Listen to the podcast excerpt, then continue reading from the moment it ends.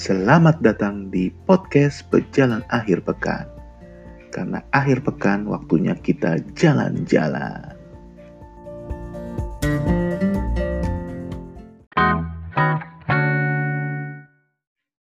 Oke, kembali lagi kita di podcast Pejalan Akhir Pekan di episode ketiga, Pasar Baru Jilid 2. Jadi uh, di episode kali ini kita akan lanjut ngobrolin uh, tentang pasar baru yang kemarin masih cuma sampai jam makan siang kita ngomongin ya. Ya, jadi sekarang kita akan ya. ngomongin setelah jam makan siang sampai kita selesai menelusuri si pasar baru itu. Dan di sini uh, gue Febri udah ditemani oleh uh, Kak Cecil. Halo Kak Cecil, mana suaranya? Halo. Dan guest star kita, Kania. Hai. Nah, uh, tapi unfortunately, sayang sekali, Didis alias Disa tidak bisa ikut join karena ada urusan keluarga, ya. Uh, tapi uh, kita doakan semoga urusan cepat selesai terus lancar dan mungkin Amin. buat uh, episode selanjutnya Didis bisa ikut join. Oke? Okay? Mm -mm. Nah, jadi hari ini, eh hari ini, episode ini kita akan bahas lagi nih, lanjut ngomongin uh, tentang pasar baru yang kemarin kan belum selesai tuh ya. Uh, jatah kita cuma setengah jam soalnya. Jadi kita lanjut lagi nih, karena perjalanan kita waktu itu uh, lumayan panjang, seharian penuh. Kita mulai dari jam 9 pagi selesai maghrib. Nah, jadi kita sekarang ngomongin setelah kita menemukan tempat makan siang yang legendaris, yaitu Bakmi Gang Kelinci. Nah, itu kita akan lanjut nanti, akan ngomongin sampai selesai. Kita akan mulai dari Bakmi Kelinci dulu nih ya. Jadi, boleh, uh, boleh. waktu itu kita kan, uh, apa namanya, nemu tuh Bakmi Kelinci. Nah, hmm. waktu itu kalau nggak salah Kak Cecil ya, Kak Yeye ya, yang ngebet banget makan di Bakmi Kelinci. Oke, KYY deh. KYY ya waktu itu ya? Uh -uh. Uh, tapi emang waktu itu rame banget sih, rame banget. Dan itu udah jam makan siang juga sih, Feb. Jadi ya ibaratnya kita udah keliling, terus lapar, langsung deh ke bakmi Gang Kelinci. Iya, yeah. sekitar jam uh. setengah satu waktu itu ya, apa jam satu gitu kan? Iya. Iya, rame Gila, banget. Rame banget sih. rame banget tuh. Kalau waktu itu sih gue pesennya locupan ayam. Hmm. Hmm, Sampai inget loh dia misalnya. Iya, coba ya. dong. Biasa. Udah lupa beneran deh. Terus sekali-kali makan namanya locupan di situ doang. Jadi, Apaan sih locupan itu ya? Uh-uh. Locupan tuh kayak semacam bakmi tapi tebel-tebel kayak udon. Modelnya dia kayak udon panjang-panjang gitu. Tebel-tebel. Oh. Sebenarnya sih nggak terlalu kenyang ya, soalnya tebel banget. enak kan Tapi kuahnya enak. Kuahnya enak. Kuahnya enak hmm. gitu. Tapi yang uh, enaknya lagi uniknya tuh di deket Bami Gang Kelinci itu ada yang kita bilang itu cakwe koatek itu tuh yang legendaris banget. Oh iya iya itu uh, yang apa yang kita lihat langsung cara pembuatannya ya? Iya yang si koatek itu langsung bikin depan kita dari benar masih tepung loh. mm -mm. ya kan? Dan itu cepet banget habisnya kan? Cepet banget. Dia juga bikin kue bantal kan. Hmm. Cakwenya gede-gede. Waktu itu kita waktu itu kita ada yang beli kue bantalnya nggak ya, Feb? Kayaknya sih enggak deh, cakwe doang deh. Cakwe Karena doang ya? Oh, yang enak cakwenya di situ, gede banget. iya. Ingat waktu itu cakwenya kita bawa ke Gang Kelinci bukan sih? Iya. Jadi kita, makan. makannya di sana, ya kan? Betul. Iya, iya benar. Langsung ludes tahu itu ke kita pas bawa kan oh, banyak banget tuh. Enak banget, apalagi masih panas-panas gitu kan. Coba ya dibayangin cakwe itu ya panas-panas, masih garing, pakai saus, terus yang dia kan panjang gitu kan, kayak yang gede, jadi puas banget gitu hmm. kayak makannya luar biasa. Tuh, Nia, kamu detil banget sih ngasih taunya jadi pengen malam-malam gini. iya dong, iya dong. Kalau makanan itu entah kenapa ya. Memorinya terpampang nyata gitu rasanya. Iya. Jangan tanya rumus matematika atau rumus fisika pas sekolah dulu. Itu lupa semua, Cecil. tapi kalau yeah, yeah, tapi kalau tanya makanan, langsung keinget dah. Rasanya kayak apa? Apalagi tuh selain gede, dia garing banget loh garing banget. Hmm. Hmm. Dan tapi ya, emang makanya... bener sih, bener kata Kania tadi, emang makannya lagi panas-panas tuh enak. Karena yeah. Iya. uh, ingat nggak kasih sih waktu itu pernah beli uh, cakwe di daerah Glodok itu kita makannya sore-sore, belinya siang terus udah melempem gitu nggak nggak nggak enak lagi gitu kan. Heeh, jadi berminyak banget. Emang kalau cakwe itu enaknya pas habis digoreng, diangkat langsung dimakan. Tapi jangan dimakan dari kompornya. Diangkat dulu. Melepuh. Itu debus banget ya. Nah, itu kecelakaan namanya jadinya. Ya. Jadi itu eh, sobat-sobat jangan akhir pekan bisa coba tuh cakwe kuatek sama babi gang kelinci. Itu halal, eh, dijamin karena kita udah nanya langsung gitu ya. Eh, Mm. Itu enak banget dan legendaris. Jadi cakwe kuatek itu kalau nggak salah udah dari tahun 70 apa 80 gitu. Dan si koateknya itu sendiri yang bikin sampai sekarang. Oh. Mm, Oh. Gitu. Jadi Dan kita ketemu sama ininya ya, C founder dan foundernya iya. Dan si Koatek itu, eh, kalau usut punya usut, dia punya anak, tapi anaknya itu jualan juga, tapi jualan minuman di daerah pasar baru juga, Oh. gitu. heeh. jadi gue lupa sih sebelah mananya, pokoknya ada jualan minuman, ya itulah kayak es kelapa, cendol gitu. Nah itu anaknya Koatek, masih di situ juga. Gitu. Hmm. Eh, Didis masuk nih. Oh ikut Didis? Oh oke. Nih, join. baru join, akhirnya ya. Ah, ikutan. akhirnya kita sambut dulu Asik. Didis. Selamat datang. Selamat datang. Bisa. Didis. Halo kirain. semuanya, halo Bang Feb, halo, Halo, Kak halo, Sesi, Didi. halo Kak Dina. Hai, hai. Izin dulu, udah minta izin sama. Oke, udah sampai mana nih ngobrol-ngobrolnya? Baru itu sampai Koatek cakwe cakwe. Oh, Oke, oke, oke. Gimana Didis? Pas makan di Bawi Gang Kelinci sama cakwe gimana? Wah, eh sebenarnya ya, kalau yang pas cakwe itu kayak lupa-lupa inget. Tapi kalau yang bakmi itu yang yang inget sih gitu. Rasanya sih ya enak sih. Kayak bakmi yang enak pada umumnya gitu. Hmm, dan waktu itu kan kalau nggak salah suasananya itu kayak masih rame-rame gitu ya. Emang Uh, emang selalu rame rame kali ya kalau weekend. Iya. Rame makan Dulu. siang. Oh iya, oh iya karena jam makan siang juga dan weekend juga barangkali ya. Iya. Mhm. Ya sih pokoknya eh, kalau buat rasanya sih enak sih kategori bakmi yang enak gitu. Kalau cakwe itu kayak lupa-lupa inget Iya. gitu. Kayaknya soalnya waktu cakwe minta deh, minta ke Kak Cecil atau Bang Febri lupa deh. Iya, Kayak kan emang beli kita, sendiri. iya, emang kita kan beli buat rame-rame waktu itu. Banyak Ah, itu belinya. iya. Mhm. Gak Kita semua makannya di ke tempatnya juga kan. soalnya. Iya, betul, betul. Hmm, iya iya benar benar benar benar. Nah, Iya iya iya. abis kan kita tuh udah udah makan tuh ya udah wah makan enak banget gitu bakmi gang kelinci, cakwe, kuate kenyang gitu kan. Tapi abis itu kita lanjut lagi tuh jalan-jalan lagi kita nelusurin tuh. Jadi di belakangnya bakmi gang kelinci sama bakmi abun eh, itu ada inget nggak kita ke kelenteng kelenteng apa namanya sintek bio kalau nggak salah yang masuk ke dalam Lupa. masuk ke dalam tiba-tiba loh kok ada kelenteng di sini yang kita masuk Yang ada gang-gang kecil-kecilnya gitu Ya, bukan sih betul. kita Heeh, masuk-masuk. heeh. masuk terus Oh iya. pas nanya-nanya ternyata kelentengnya itu udah ada dari tahun 1800 gile kan Hmm? 1800 Udah, kelentengnya itu udah dari abad tua banget. Jadi sejak pasar baru belum mungkin belum ada pasarnya kali ya. Itu si kelentengnya udah ada di situ makanya dia ada di dalam gang. Gue lupa sih, Feb. Itu yang ada naga-naganya nggak sih? ya kayaknya tiap kelenteng ada naga deh. Kok nggak salah ini yang ada si siapa namanya eh, penjaga kelentengnya itu nawarin kita mau ada yang mukul-mukul kayak semacam beduk-beduk gitu nggak? Itu itu siapa tuh yang mukul-mukul beduk? Ada tuh. Kak Yeye apa Hmm. kak apa Om Alik ya waktu itu yang mukul-mukul beduk oh ada yang mukul, ikutan mukul beduk terus si Nah, itu itu lupa tuh, tuh di situ tuh. ada Iya. ada ada Gua- Gua lupa ada yang Nah. beduk-bedukan itu. iya Pokoknya ada yang gue inget lilin-lilin besar aja, Nah, lilin sebesar gaban. itu itu dia itu kelentengnya itu jadi ada Hmm. keliling de gaban itu di situ Hmm. Gue aslinya lupa sih. Jadi gue no komen.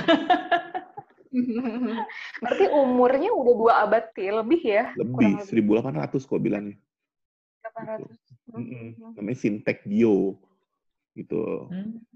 kita memang masuk ke dalam emang sempit sih dalamnya itu lebih sempit daripada kalau itu kan tuh pernah ke kelenteng Toase Bio juga tuh yang di Glodok Mm-mm. nah tapi itu kan gede tuh halamannya luas gitu kalau ini nggak emang sempit banget di Hmm. jalan kecil gitu kan di gang gitu sempit emang Mhm. agak sempit ya banyak lilin gede deh di situ nah terus Saudaraan dari kali ya? eh, kalau nggak salah sih eh Sintek itu Sin itu nama keluarga yang punya si kelenteng. Nah, terus kalau bio itu kalau nggak salah artinya emang tempat ibadah. Makanya ada tuasi bio, Oh. bio. Mungkin maksudnya itu bio itu tempat ibadah punya keluarga sin dan tek kayaknya sih itu. Terus ingat aku tuh Oh. depannya itu nama keluarga, keluarga sin, keluarga tek, Hmm. toa, kayak gitu. Jadi emang kan Hmm. eh, beda ya kalau kita kan memang kalau masjid gereja itu kan emang eh, buat umum lah gitu kan, buat siapa aja gitu kan. Kalau kelenteng itu kalau nggak salah emang dibagi per keluarga, jadi keluarga eh, tan, keluarga sin, mungkin ya, kelentengnya di sini, keluarga tan di mana gitu. Jadi Hmm. Tapi tahu nggak sih kalau kelenteng itu sebenarnya beda dengan wihara? Beda, beda, Beda ya? beda. gitu. eh. Kok ada temen gue yang menjelaskan, tapi maksudnya ini entah yang gue seingat gue ya, maksudnya Mm. dia bilang kayak wihara itu kan tempat ibadahnya umat Buddha, gitu Iya kan. betul. Tapi kalau kelenteng itu katanya untuk umat Konghucu, Mm-mm, memang. dia bilang gitu. Heeh, Konghucu kalau Hmm. lebih ke Konghucu sih. Kalau Hmm, yang aku yang gue tahu sih kalau di Kelenteng emang nggak ada patung Buddha. Kalau ngeliat itu patung-patung Hmm. kayak apa ya kayak jenderal-jenderal Tiongkok, naga kayak gitu loh. Kalau wihara itu emang Hmm. patung Buddha Hmm. kan. Nah, terus dia nggak nggak banyak lilin-lilin gitu. Dia kayak modelnya kayak apa ya? Kayak pendopo. Terus banyak kan mereka kan kayak meditasi gitu. Dia banyak bantal-bantal, bantal buat duduk. Oh. Nah, kalau eh, si siapa namanya kelenteng itu kan memang ada hio, ada dupa, jadi memang ritualnya beda gitu. Cuma waktu itu sih pernah Hmm. nanya, ya kalau orang Buddhis yang orang Tionghoa Buddhis boleh aja ke kelenteng gitu kalau berdoa gitu. Hmm. Dan waktu itu gue sempat nanya kan, maksudnya Mm. kayak eh, kenapa sih lilin-lilinnya itu kayak beraneka ragam ukuran kan, Iya, mulai dari yang dia ramping-ramping gitu ya, sampai Sampai yang yang dia gede-gede. seukuran sumo gitu Iya. ceritanya. seukuran sumo. Jadi itu rupanya sumbangan dari eh, ininya ya, maksudnya kayak bisa dibilang umatnya gitu. Itu sumbangan umatnya ke ke kelenteng itu yang yang Mm. menggambarkan kayak makin makin gede itu lilin sebenarnya makin sukses atau makin makmur Iya. yang betul. memberikan gitu itu tanda kemakmuran dan kenapa Oh. kenapa lilinnya itu dihidupin terus katanya Hmm. yaitu untuk menggambarkan supaya kesuksesan atau kemakmurannya itu hidup terus nyala terus Oh, gitu makanya diharapkan nyala lilinnya gitu Hmm. waktu itu Jadi 24 jam nyala ya lilinnya itu. gue gak tahu juga sih apakah 24 jam dinyalain ya cuman maksudnya ya kayak itu juga kayaknya kalau 24 jam dinyalain mungkin eh, tahun sampai Firaun bangkit lagi dari kubur belum habis-habis kayaknya tuh si lilin yang Itu soalnya gede banget. Iya iya iya. Oh, iya, iya, iya, Kalau kalau nggak salah kita waktu itu boleh boleh observe sampai mana sih? Sampai pagernya atau sampai ke dalam gitu? Ke dalam kita waktu itu A- ada Sampai lantai ke dalam duanya, waktu itu. ada lantai Hmm. Terus ada yang naik ke atas, Om Alik apa Kayeye gitu, naik ke atas. Apa Indah gitu. Pokoknya kan waktu itu ada Indah juga. Eh, jadi ada yang ke atas juga. Kalau aku sih nggak cuma di lantai satu aja kan waktu itu. Soalnya sempit ke atas gitu. Ada kok yang ke lantai dua waktu itu. Lumayan Hmm. apa ya? Kalau Oh, iya, masuk ke iya. dalam itu lumayan iya. gede. Cuma kalau dari luar tuh kelihatan kayak kok ada kelenteng tiba-tiba di tempat sempit begini gitu, kecil, nggak kelihatan. Itu hi- Mm. termasuk hidden game juga kalau menurut aku sih soalnya nggak semua orang bisa nemuin. Kita mesti masuk-masuk ke dalam. Dan emang udah apa ya udah legendaris juga sih dari tahun 1800 loh, seingat aku sebelum ada pasar Iya. baru katanya dia udah ada. luar biasa Hmm. Hmm, luar biasa biasa. memang. Eh, Jadi, Jadi memang- barangkali kalau yang hmm, kalau yang Ya. tertarik buat mengamati gitu ya, buat observasi kayak gimana itu bisa langsung aja ya datang terus foto-foto juga nggak masalah ya di, Betul. diperbolehin kan. eh, tapi kalau ada baiknya sih minta izin dulu, soalnya takutnya kan mereka Iya. lagi ada ritual apa, lagi ibadah, gitu kan nggak enak juga kita foto. Hmm. Iya, kalau ada orang yang lagi ibadah sih emang nggak enak. Cuman kalau mau suasananya dari luar ya barangkali atau mau apa namanya Ya. mau mengabadikan bangunannya sih kayaknya itu oke ya. Mm-mm. Jadi eh, tips lagi kalau mengunjungi tempat-tempat wisata, terutama tempat ibadah, itu manner paling utama. Maksudnya manner adalah ya Hmm. kayak misalnya kita ke masjid, ke gereja, berpakaianlah yang sopan, ya. Jadi jangan eh, apa, jangan semaunya gitu berpakaian yang sopan. Terus kedua kalau mau foto mau apa, minta minta izin dulu kan siapa Izin. tahu mereka lagi ibadah nggak enak kita foto-foto gitu kan gitu itu sih paling penting Betul, betul. Nah, terus dari situ dari konten sintek bio kita tadinya kan eh, apa mau nyoba yang katanya catering tante siapa gitu yang ternyata udah tutup gitu kan. Akhirnya kita Hmm. ke belakang pasar baru tuh ke gereja ayam. Ingat gak tuh yang Ah. panas-panas, Oh. tapi nggak boleh masuk, kan? Iya, iya, waktu iya, itu ya? iya, iya, iya. Aku lupa, aku, Iya, iya. gue lupa tuh kenapa tuh kita nggak boleh masuk tuh waktu itu. Karena yang gue inget sih kita dilarang masuk karena itu tempat ibadah sih alasannya gitu Feb yang gue inget. Oh gitu ya waktu itu ya. Padahal waktu itu Heeh. sebenarnya nggak ada jadwal eh, ibadah atau kebaktian kan waktu itu sebenarnya kan kita jam 2 ya. Lagi siang-siang trik-triknya tuh. Iya Iya Iya, kan? ya, nggak ada jadwal ibadah ya, cuman cuman Mm-mm. ya tetap maksudnya Tetap nggak boleh gitu. dari masuk ya. Heeh, nggak boleh. Heeh. Gitu. Ya itu sayang Iya, iya, sekali iya. sih Kita nggak dari boleh luar masuk. ya. dari Mm. luar. mm, Jadi ya maksud gereja Mm. ayam itu bukan gereja bentuk ayam, bukan gereja yang apa? Bentuk ayam yang dipakai syuting sama Buat DC2 itu iya yang di Jogja bukan. Jadi gereja ayam pasar baru itu gereja biasa, tapi di atasnya itu ada eh, apa sih kayak penunjuk arah, penunjuk arah. bentuknya arah ayam jago gitu bentuk loh, ayam. Eh, bentuk ayam Ah. jago gitu. Kayak makanya disebut gereja ayam gitu. Jadi jangan salah Iya. kaprah, jangan bilang, kok hebat juga di pasar baru gereja ayam yang buat tempat syuting ADC. Bukan, beda. Nah, salah kaprah yang denger, beda, beda. Gitu. Jadi Tapi oke itu- lah waktu itu kita walaupun nggak boleh masuk masih bisa melihat ininya gerejanya. Iya. kita bisa Foto-foto foto atasnya dari doang. foto-foto dari atasnya Iya, itu iya. kan. Tapi itu emang trik banget sih jam 2 siang itu. Aduh, emang, emang. Itu Trik. kayaknya makanan yang kita makan di bakmi gang kelinci udah nguap semua itu kayaknya udah, gitu ya. udah Udah, Udah nguap, udah. panas-panas. Nah, panas. Tapi emang bangunannya ini sih menarik buat yang suka foto-foto sih, meskipun eh, apa namanya kita nggak boleh masuk. Tapi kalau buat foto-foto dari luar gitu ya, sambil foto-foto si apa namanya penunjuk arah yang ada ayamnya itu juga Hmm. oke sih ya. Iya. Bagus sih kalau kita foto dari bawah apa angle-nya gitu. Apalagi buat juga. ini nih, buat yang anak-anak SMP SMA mau foto buku tahunan tuh. Sering kan foto-foto waktu itu aja angkatan gua aja SMA ada ya foto di, di apa gereja Immanuel itu tuh. Oh yang di foto Gambir. iya yang di Gambir heeh, foto-foto di situ. Ada yang foto-foto di mana? Eh, Masjid Istiqlal juga ada kayak gitu. Jadi emang ya tempat ibadah buat tempat foto juga sama mereka buat buku Iya. tahunan Mm. banyak yang kayak gitu kok Cuma mungkin tergantung ininya kali ya, tergantung apa pengurus tempat ibadahnya Ya, gitu. betul. Kalau untuk turis, apakah mereka mengizinkan atau enggak kan punya kebijakan beda-beda. Mm-mm. Ya kalau yang aku tahu sih gitu. Sebenarnya kalau buat foto-foto doang ya nggak masalah sih gitu kan. Karena kan Hmm. emang eh, terutama mereka itu menjaga ketertiban, terus menjaga penampilan itu sih nggak apa-apa gitu. Kecuali memang yang kalau membuat keributan itu ya nggak boleh tuh. mm-mm. Mm-mm. Ya, Misalnya iya misalnya ke apa tempat ibadah tapi teriak-teriak itu nggak boleh, lari-larian itu nggak boleh. Mm-mm. Apalagi main petak umpet tuh nggak boleh banget. Apalagi itu Bang Pet. Apalagi itu ya boleh. Ya, yang penting ya kita jaga sikap aja. Maksudnya ke tempat baru namanya kan. Misalnya kayak kayak kita kan dari kemarin tuh cerita kita ke kuil eh, apa Mm-mm. yang India yang Hari Krishna, kuil Sikh. Ya Mm. Beda-beda kan kebijakan-kebijakannya tapi kan selama kita jaga sikap fine-fine aja gitu. Itu sih. Betul. Yap. Tuh, itu Mm-mm. tips lagi tuh Cia. Langsung tips aja ya.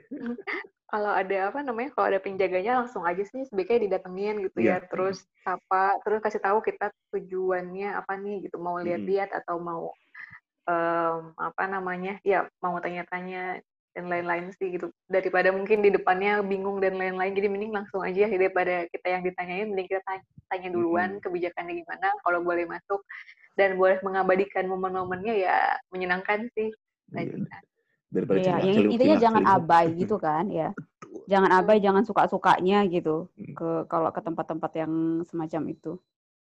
Betul. Itu deh. Terus tips yang Ya, abis itu kita ke mana lagi ya? bagus sekali dari Didis dan Kania. Nah, abis dari gaji ayam, abis dari gaji ayam, kan kita itu tuh, eh, apa namanya, tadinya itu kan kita mau ke seberang, seberang Wasaba dan Museum Filateli. Tapi ternyata tutup hari Minggu. Oh iya. Heeh, eh, itu jadi Heeh. itu yang mau kita bahas juga. Jadi eh, apa namanya? Kalau mau eh, tamasya di akhir pekan, cek dulu. Misalnya kayak kita deh, kita nggak ngecek nih kan, museum filateli eh, mau masuk, ternyata minggu tuh tutup. Jadi ada beberapa museum atau tempat wisata itu yang hari minggu tutup atau hari Senin tutup. Biasanya itu hari Senin. Iya. Itu Iya museum itu betul, hari biasa Senin. museum. Senin ya. Mm-mm. Senin kayak musim Satria Mandala, musim wayang itu Senin tutup. Eh, tapi ada beberapa juga yang kayak musim filateli hari Minggu tutup justru gitu. Yang aman sih sebenarnya hari Sabtu. Sabtu tuh hampir semuanya buka gitu. Dan kemungkin dan juga kalau misalnya mau mengunjungi tempat ibadah, hari Minggu itu biasanya dipakai buat ibadah. Kayak gereja, vihara itu biasanya hari Minggu dipakai ibadah. Kalau masjid kan Jumat gitu kan. Eh, yang paling aman sebenarnya sih Sabtu. Sabtu Mm-mm. hampir apa ya maksudnya si tempat wisata museum buka semua tempat ibadah juga ya hampir nggak ada kegiatan ibadah gitu kecuali masjid yang ada sholat jamaah kan gitu. tapi kalau gereja juga ya ada juga ya kak ya yang hari Sabtu ya Kalau gereja mungkin yang ada Sabtu, eh, Sabtu sore.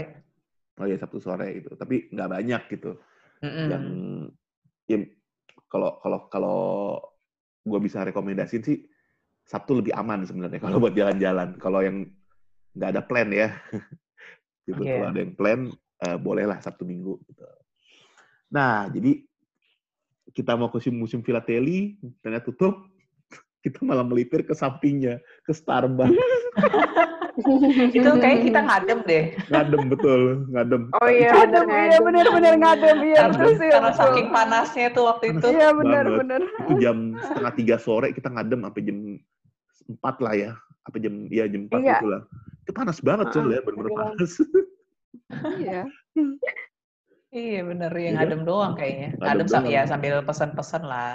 Mm-mm. Heeh. yang ngadem pesen-pesen dan dingin. Starbucksnya juga unik sih eh, apa kayak bekas gedung apa ya kolonial atau apa gitu kayak kuno gitu terus jadiin Starbucks gitu lah kan itu Iya, masih itu kayak dibagi dua nggak sih? iya masih sederet sama museum filateli gedung kesenian Jakarta juga Mm-mm. Jadi gitu. kesannya vintage gitu ya. vintage betul ya. klasik banget Dan dia Coba loh. eh, lokasinya tuh sebelahnya IKJ, eh IKJ apa? GK, GKJ, Kesenian Jakarta GKJ. ya, iya. kalau IKJ di Cikini Iya beda-beda. ya Iya, jadi jadi gimana kak Cecil? enggak, maksudnya untuk menuju sana tuh mudah gitu kalau mau naik Transjakarta.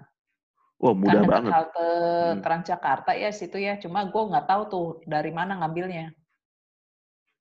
Ngambil apa tuh? Ngambil maksudnya rute bus Oh Transjakarta. rutenya. Oh iya iya. Heeh. Kalau naik KRL gampang banget. Tinggal turun di stasiun Juanda, jalan dikit langsung pasar baru itu. Oh iya iya Heeh, benar-benar. itu paling deket di kalau. Juanda. kalau mau ke Istiqlal juga kan dari Juanda, tinggal nyebrang Istiqlal, nyebrang lagi kan katedral. Iya iya betul. Gitu, katedral Istiqlal. Oh, iya. kita lupa waktu itu ya, kenapa nggak waktu itu nggak ke Istiqlal sama katedral ya? Kayaknya udah capek deh. Capek ya jalan ya. Karena udah panas banget ya. Padahal itu deket banget loh. Iya, Istiqlal kayaknya. sama katedral dari Pasar Baru itu deket banget. Gitu. Mm-mm. Nanti deh. Ya, nanti deh next time kalau kita ke sana lagi. Iya, next time. habis dari Starbucks kita sempet yang makan India itu nggak sih, Feb? Itu terakhir. Jadi eh, Oh. setelah Starbucks, kita masuk lagi di Pasar Baru. Kan pada belanja. Ingat nggak? pada belanja Oh baju. iya, iya. Belanja baju. Oh, iya Yang- kita yang balik lagi ya. Iya, bener balik lagi ke bener dalam. bener bener bener belanja bener. belanja Oh iya, gue gue inget tuh gue inget gue inget waktu kenapa gue inget karena waktu itu kayaknya pernah eh, pas ke sana beli kaos sama Indah juga. Duisa waktu itu beli ikutan beli nggak sih sama Sesin? Beli, beli. Iya, iya, kaos. gua ada ada Kita kaos beli kaos yang ada gambar Kaos. sepedanya itu kan. Ah iya bener bener bener. Nah gue inget banget itu kenapa? Karena si kaos yang gue beli di sana itu warna biru langit gitu tulisannya ada gambar sepeda terus ada tulisannya where to go. Nah kaos itu gue pakai di hari pertama pas eh, ke ini yang ke Kamboja yang ke Siem Reap gitu. Jadi kayak gue liat oh oh gitu jadi gue jadi ke flashback gitu loh. Oh, Iya iya iya itu kaos gue beli di pasar baru. Terima kasih loh ya ya kalian menambahkan Sama-sama. wardrobe aku jalan-jalan gitu. Tulisannya pas lagi where to go gitu kayaknya udah buat traveling Dan banget. Heeh. dan dan dan itu- itu harganya berapa coba? Murah banget. Ya, Tiga puluh ribu rupiah. Iya, ya oh my god. Iya. ya, Tiga puluh ribu dan itu bagus loh. Ah. Modelnya bagus kan. Jadi Gambarnya bagus. Slogannya from new market to Siam Reap ya. Oh iya betul new betul market betul. pasar baru to Siam Reap. Pasar baru ya. Terus Siam Reap. To Siam Reap. Jauh loh itu si Iya, kaosnya dari pasar Iya udah melanglang Iya, buana jalan-jalan sampai ke ya. Siam Reap. Heeh,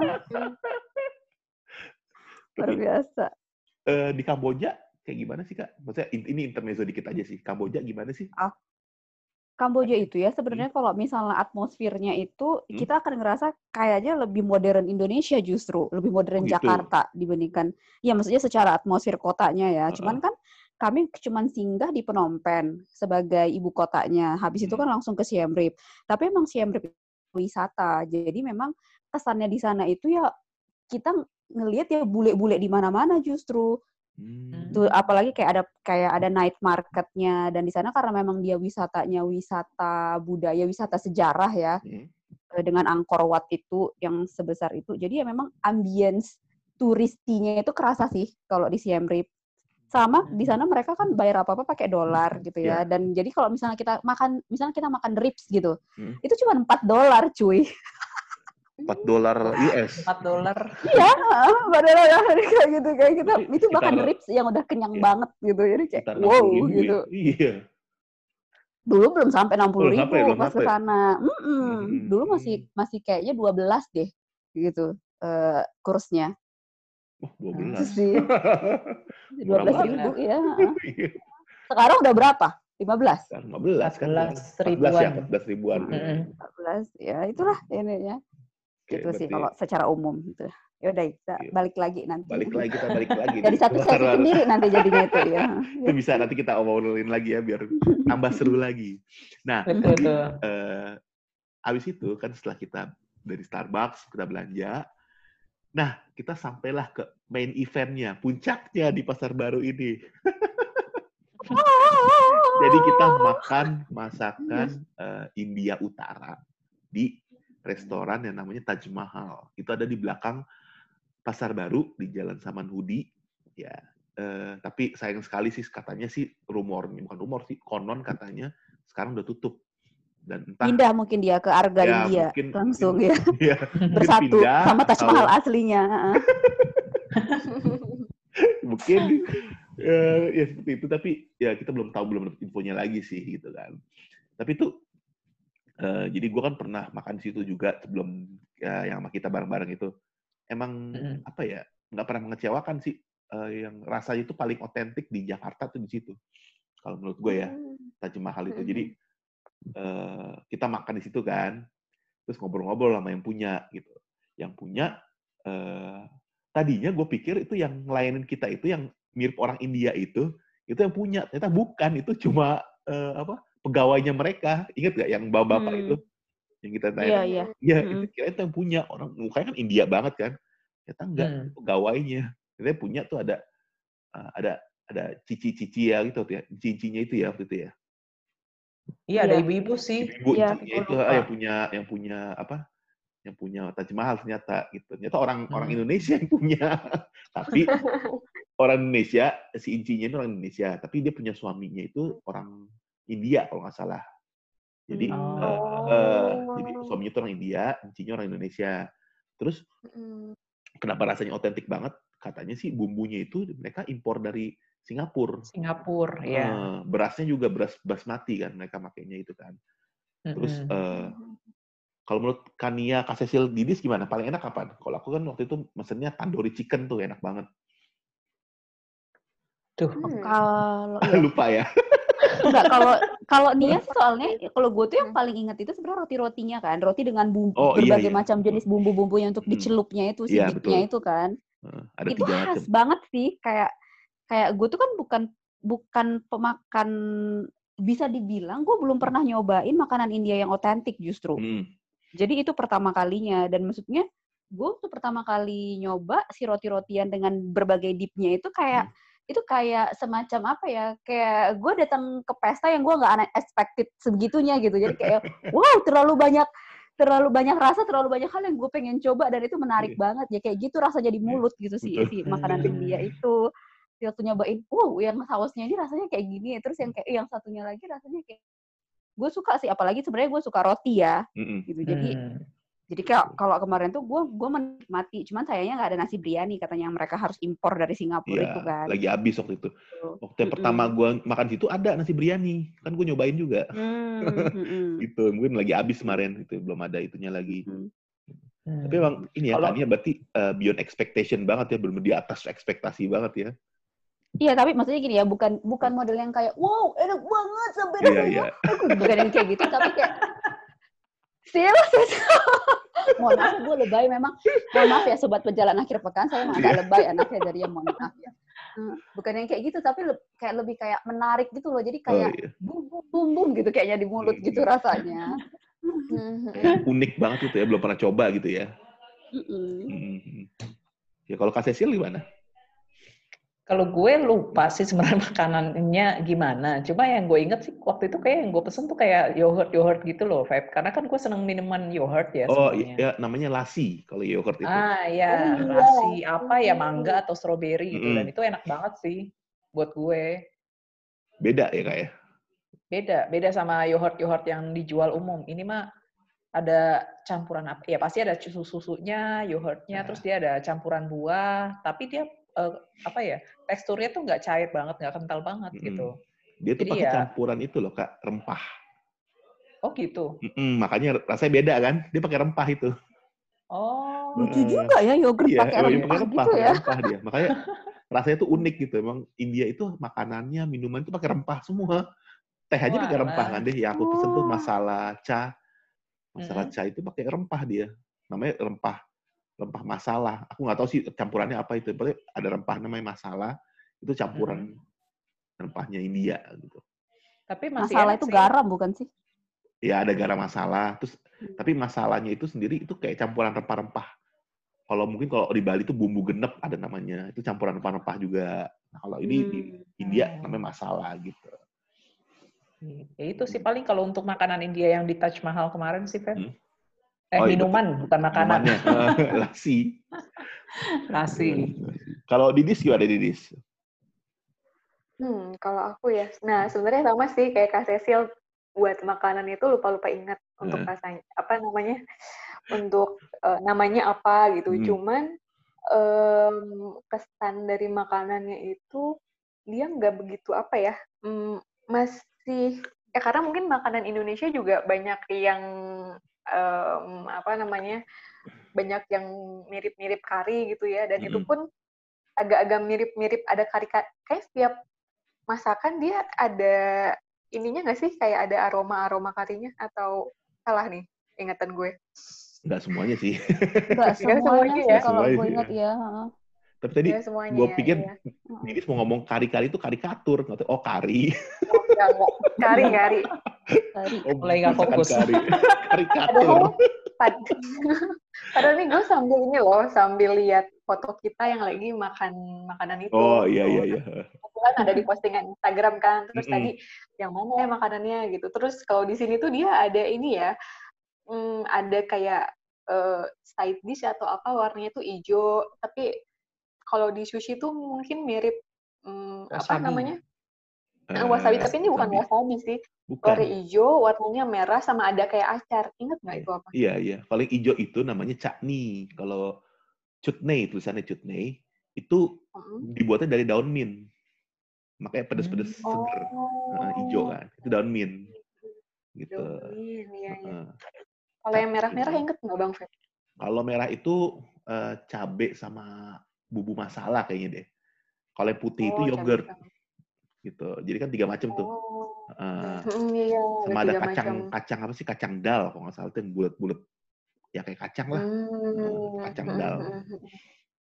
Oke. ya sebenarnya Cuman kita nggak yang bisa nggak bisa nemu selain di restoran India sih kayak kacang dal chutney mint itu nggak bisa Mm. nemu cuma ada di situ emang doang Eh, emang khasnya dia gitu pasnya dia dari situ ya. Mm-mm, Mm. mm. Cuman dari apa namanya dari makanannya yang teksturnya kental dan rasanya kenceng, Hmm. terus minumnya yogurt itu pasti gitu. Jadi Iya. abis yang uh, thick gitu ya, abis yang bumbunya tuh um, apa Berempah namanya banget ya. Strong gitu ya. berempah banget. Strong. Terus kita minumnya yogurt itu ya pas aja gitu paduannya. Jadi abis yang apa namanya, abis yang berempah-rempah, Nah, jadi yang seger gitu bisa ya. disegerin lagi hmm, sama yogurt. benar-benar.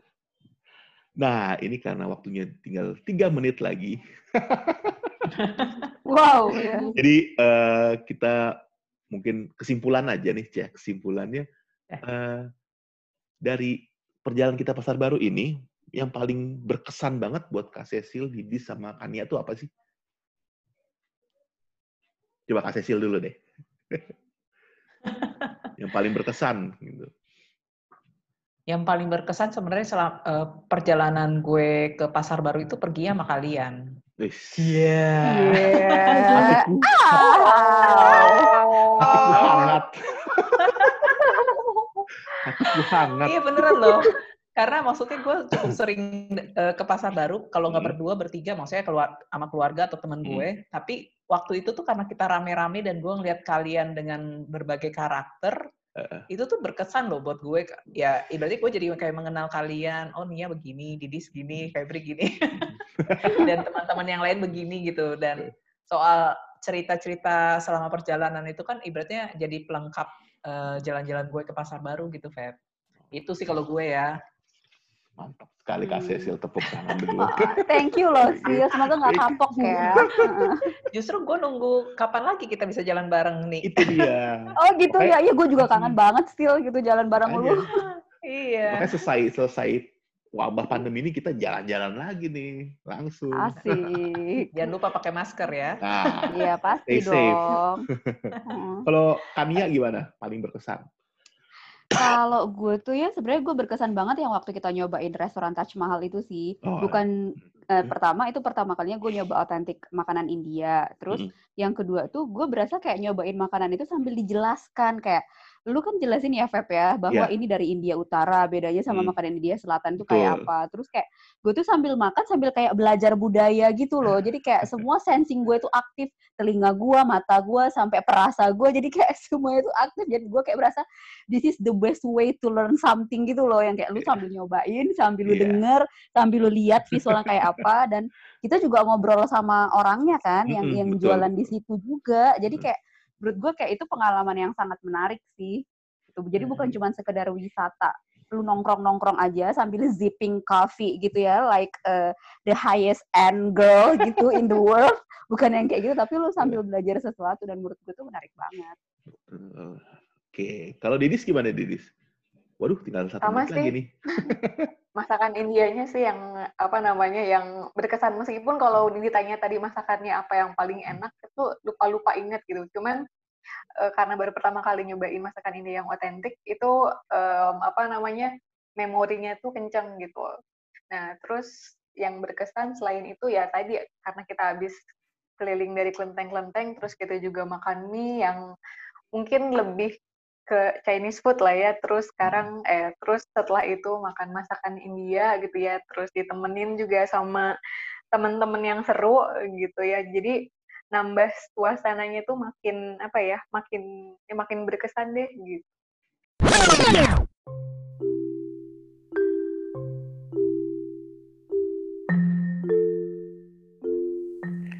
Ya, tadi sorry banget kita kepotong.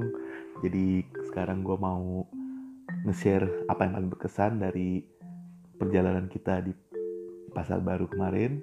Ya, yang paling berkesan tentu saja itu jalan-jalan menelusuri tempat-tempat wisata yang baru yang belum pernah gue jamah sebelumnya, belum pernah gue telusurin dan gue takjub melihat di Pasar Baru itu banyak banget tempat-tempat wisata yang yang bisa dibilang hidden games gitu itu menimbulkan excitement buat gua di situ. Jadi dan ditambah lagi jalan-jalan juga bareng-bareng sama uh, Kak Cecil, Kak Didi, eh sorry Kania, dan Didis dan teman-teman yang lain. Itu yang bikin excited banget gitu dan bikin berkesan banget.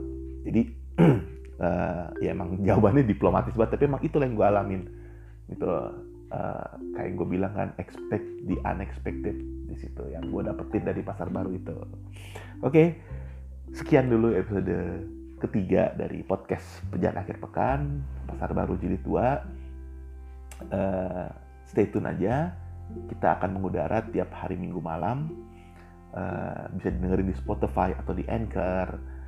Dan pesan saya, pesan gue untuk kalian uh, tetap stay safe, uh, jaga jarak, tetap uh, stay positif karena kalau nanti sudah lepas dari wabah atau pandemi ini kita bisa jalan-jalan lagi karena akhir pekan waktunya kita untuk jalan-jalan.